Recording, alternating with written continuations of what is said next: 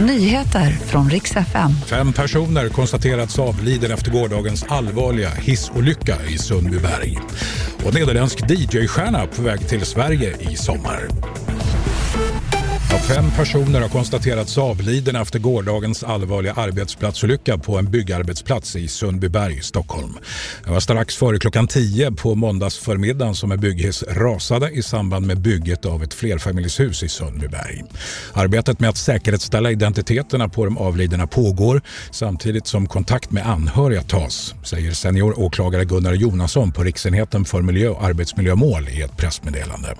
Den här händelsen utreds som arbetsmiljöbrott innefattande grovt vållande till annans död.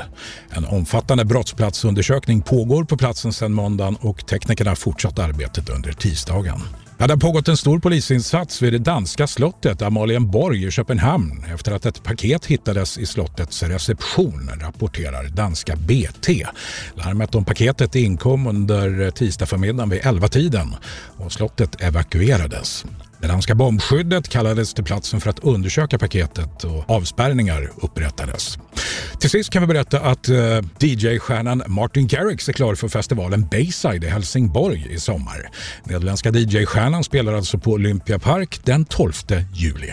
Det var nyheterna. Jocke Ljungberg heter jag.